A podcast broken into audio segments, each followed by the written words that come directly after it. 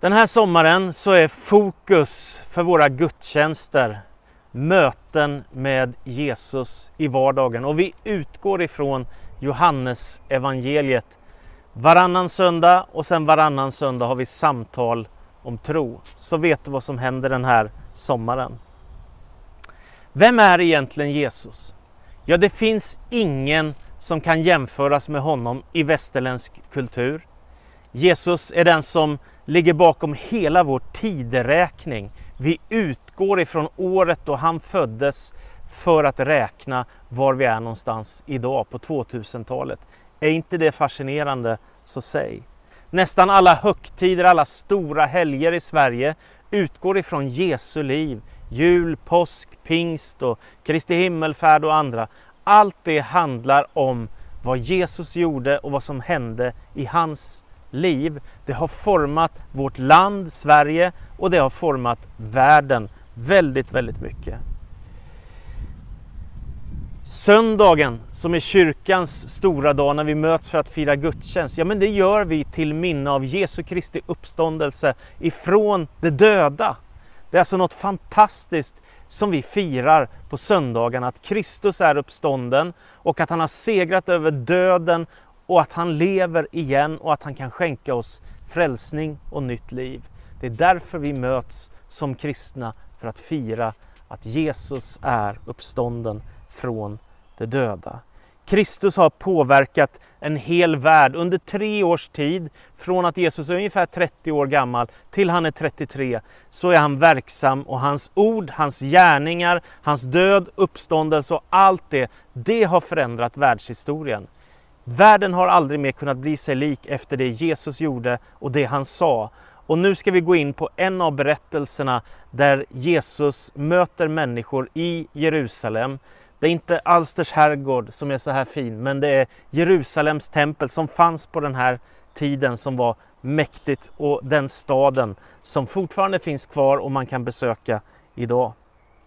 Så här står det, det blir konflikt kring Jesus när han nu börjar uppträda som Messias. Vi läser ifrån Johannes evangeliets sjunde kapitel och från vers 25.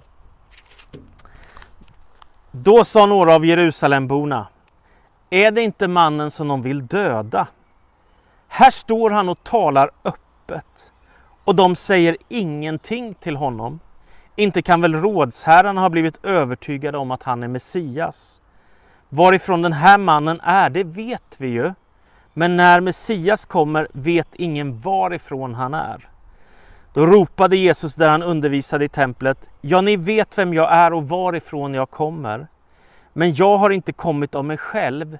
Det finns förvisso en som har sänt mig, men honom känner inte ni. Jag känner honom därför att jag kommer från honom och därför att han har sänt mig. De ville gripa honom, men ingen lyfte sin hand mot honom. Hans stund var ännu inte inne.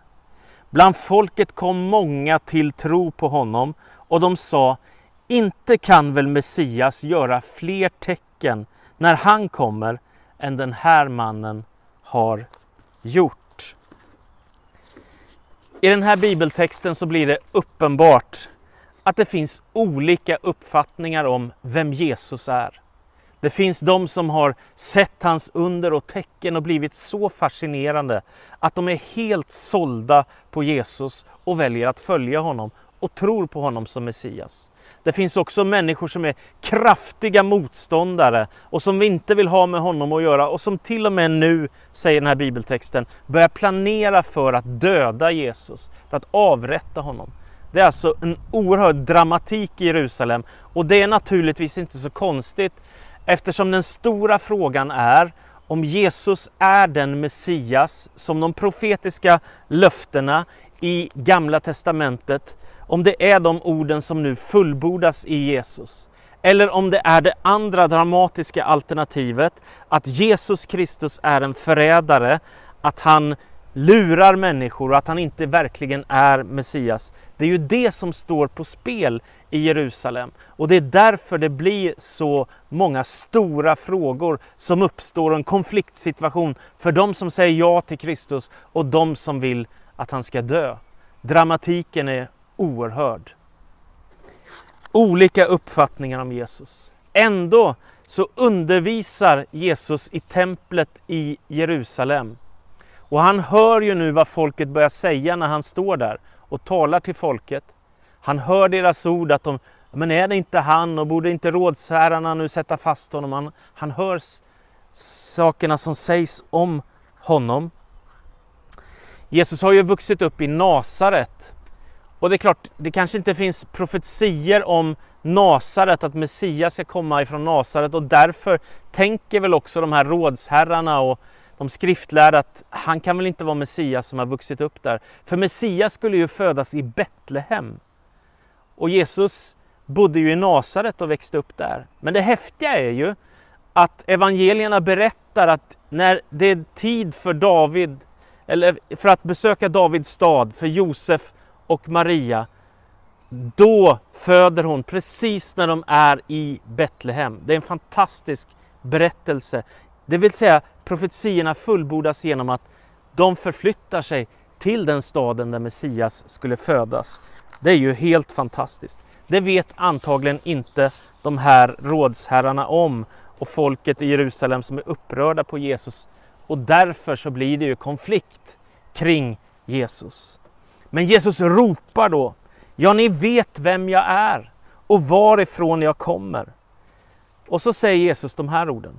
Men jag har inte kommit av mig själv. Det finns förvisso en som har sänt mig. Honom känner inte ni. Jag känner honom därför att jag kommer från honom och därför att han har sänt mig. Det här är alltså messianska anspråk. Jesus säger, jag är sänd av Fadern ifrån himlen. Jesus påstår sig vara sänd av Gud själv. Att han är Guds son, att han är Messias och att han har kommit för att frälsa världen och upprätta Guds rike på det sättet. Det är dramatiska ord. Naturligtvis är det oerhörda anspråk och du kan tänka dig själv om någon människa skulle säga så. Jag är sänd av Gud själv. Det är ju oerhörda påståenden som återkommer i Johannes evangeliet gång på gång på gång. Det som då händer är ju att många människor kommer till tro på Jesus Kristus. De tar emot honom som sin Herre, de bekänner honom som sin Messias och nu börjar ett nytt spännande liv och den Jesusrörelse som pågår för fullt än idag i nästan hela världen startar vid den här tiden när människor börjar följa honom. Och de som kommer till tro säger, inte kan väl Messias göra fler tecken när han kommer än den här mannen har gjort. Och det är ju så klokt sagt. För Jesus har gjort dramatiska under. Och Johannes evangeliet kallar det för tecken. Det vill säga på att det här finns en större verklighet bakom den här mannen Jesus från Nasaret. Jesus gör tecken för att folket ska förstå vem han är och kunna komma till tro på honom som Messias. Så sju tecken finns i Johannes evangeliet och låt mig ganska snabbt gå igenom dem. Det första som händer är när Jesus kommer till kanan på ett bröllop att han är inbjuden till denna fest, antagligen med hela sin familj och de är där och de njuter av god mat. Men så händer det dramatiska att vinet tar slut. De har ingenting kvar att dricka. Och då kommer Maria till Jesus och så säger hon Jesus, deras vin har tagit slut, kan du göra någonting? Jesus ber dem att hälla upp vatten i sex stycken reningskärl som rymde 100 liter var. Och så säger han till dem att gå upp till bröllopsvärden med de här kärlen. Och det märkliga som då händer det är ju att när värden, bröllopsvärden häller upp det här vattnet, ja men då är det helt plötsligt vin. Jesus har gjort sitt första under. Guds kraft och Guds ande verkar genom honom. Gudomlig kraft i funktion, vilket gör att vatten blir till vin. Det är det första tecknet som Jesus gör. Ett tecken på att han har övernaturlig kraft och att han är Messias. Det andra tecknet som Jesus gör, det är att bota en ämbetsmans son som var i kungens tjänst. Och den här ämbetsmannen är desperat därför att hans son ligger döende och är mycket allvarligt sjuk. Och därför så kommer han till Jesus och ber Jesus om att hjälpa honom och att han ska hela hans son, för han har ju hört vad Jesus kan göra, hur han botar sjuka. Och så säger han till honom, Herre kom innan mitt barn dör. Och då svarar Jesus, gå hem, din son lever. Ämbetsmannen tror på Jesus och vänder hem igen och så kommer hans tjänare jublande och möter honom och så säger de din son är frisk igen, han har fått hälsan tillbaka. Så han blir ju överlycklig den här mannen. Då frågar han när hände det? Och så svarar de det hände vid den sjunde timmen igår. Och då inser han det var ju precis då som Jesus hade sagt gå hem, din son lever och han kommer till tro på Jesus tillsammans med hela hans hus. Det tredje tecknet som Jesus gör det är att han helar en man vid Betseda vid Jerusalems fårdamm. Det har legat en man där som har varit sjuk i 38 års tid. Naturligtvis en tragedi att under så lång tid vara så allvarligt sjuk. Och Jesus ser den här mannen ligga där vid dammen och han frågar honom, vill du bli frisk? Vilken fråga, en sån oerhört självklar fråga egentligen. Det är klart jag vill bli frisk. Men Jesus frågar honom det.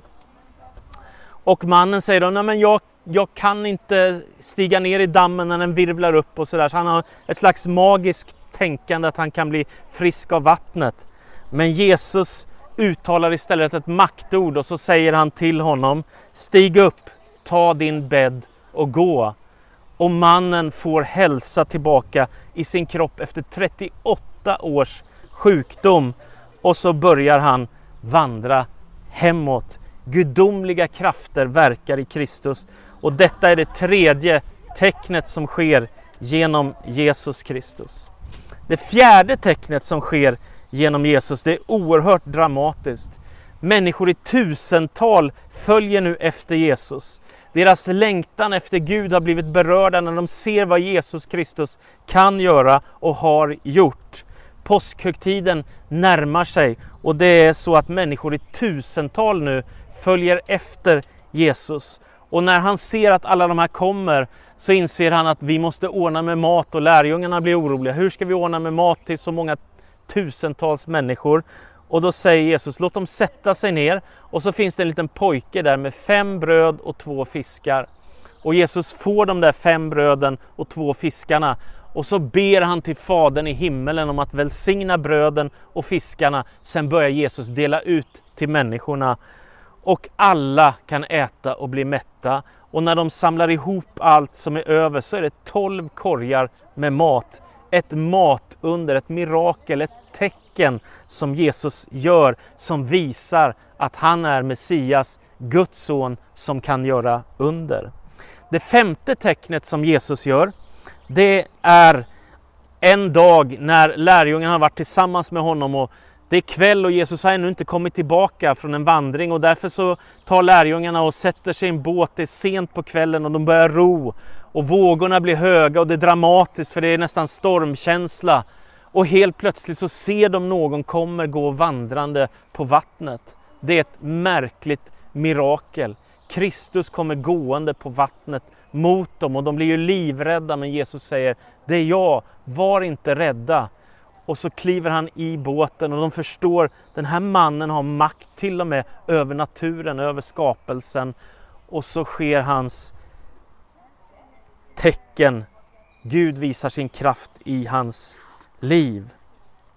Här visas att Kristus är något mer än en människa. Kristus är något mer än en profet. Han är Gud som har blivit människa. Han är Guds son som har kommit till världen. Det finns en teolog som heter Karl Barth. Han har skrivit så här. Gud blev människa i Kristus. Tänk om denna nyhet en dag stod i tidningen. Det är verkligen en sensationell nyhet. Sensationellare än allt annat.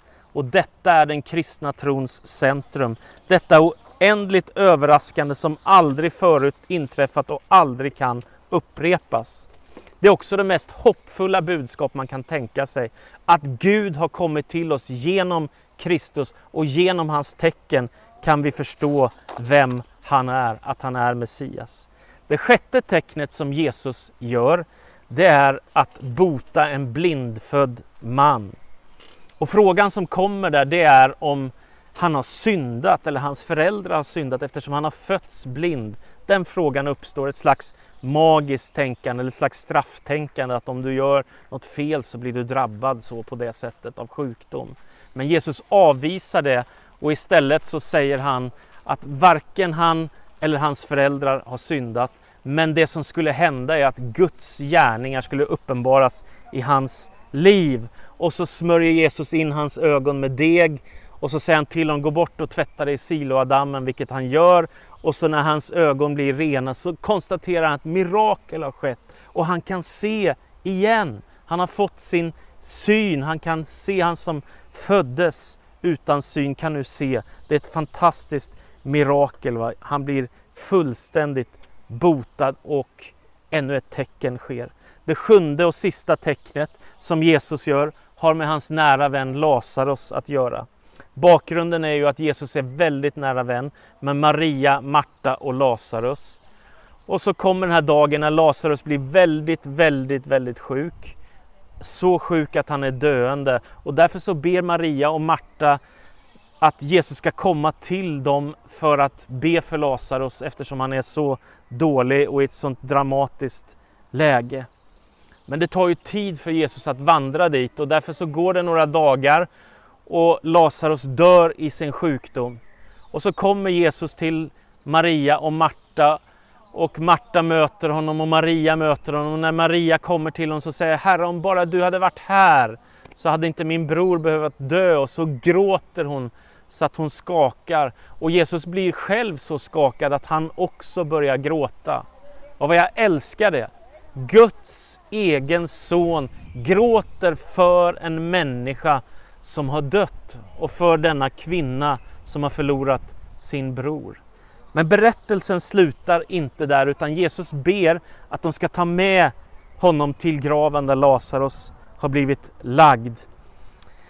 Och så säger han flytta undan stenen. Då säger Marta, ena systern, Herre han luktar ju redan.